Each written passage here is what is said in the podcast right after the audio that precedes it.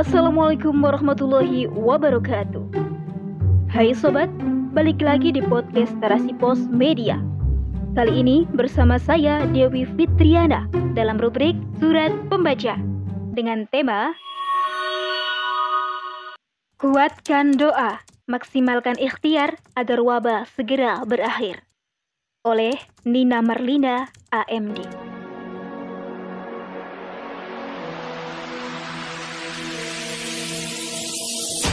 Wabah COVID-19 belum kunjung bereda.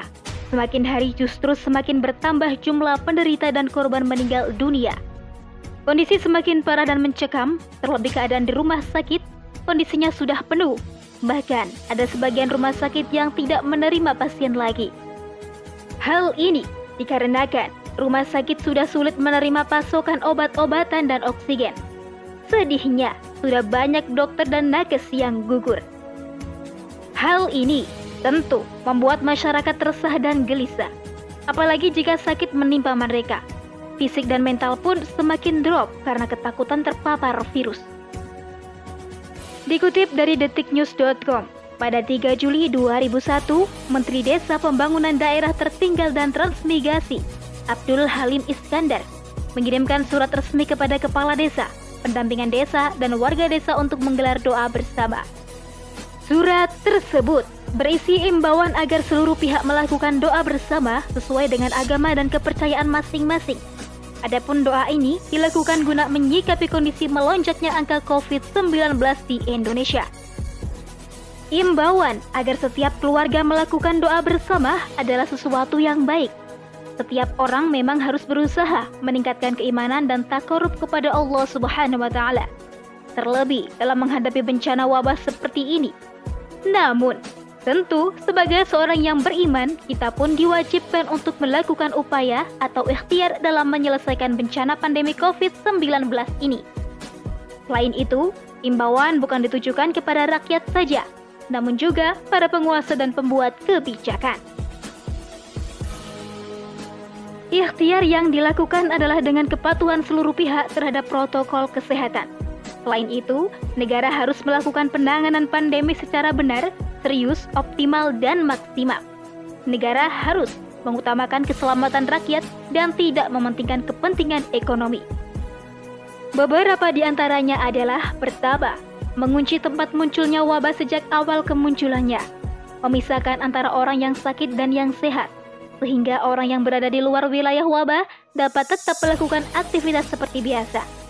Kedua, mengobati para pasien hingga benar-benar sembuh dan menjamin kebutuhannya, serta memberikan pelayanan kesehatan terbaik dengan biaya murah bahkan gratis. Ketiga, mencegah oknum-oknum yang memanfaatkan pandemi, seperti kelangkaan oksigen, obat-obatan, masker, dan lain-lain. Oknum tersebut sengaja menimbun dan menjual dengan harga yang mahal. Keempat, memberikan ketenangan, keamanan, dan kenyamanan sehingga rakyat tidak panik, gelisah, atau stres dengan penyakit ini. Suasana keimanan dan ketaatan harus terwujud dalam negara. Pemimpin pun harus menjadi teladan bagi rakyatnya dalam melakukan amal kebaikan. Doa adalah senjata kaum muslim dan merupakan ibadah. Banyak dalil tentang keutamaan dan perintah untuk berdoa. Doa membuktikan bahwa kita lemah tak berdaya dan membutuhkan pertolongannya. Jika tak mau berdoa, maka kita termasuk orang sombong dan Allah pun burga.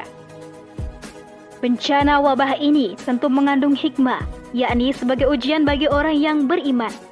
Jika kita ikhlas dan bersabar, maka Allah pun akan memberikan pahala dan ampunannya. Bahkan orang yang meninggal karena wabah termasuk sebagai syahid. Semua pihak, baik rakyat maupun pejabat, memang harus meningkatkan ketakwaan dan takarub ilallah melakukan taubatan nasuha, memohon ampun atas dosa-dosa, meminta pertolongan kepada Allah agar diselamatkan dari wabah. Taubat ini diiringi dengan ketundukan terhadap seluruh perintahnya, yakni dengan menjalankan seluruh syariat Islam secara kafah.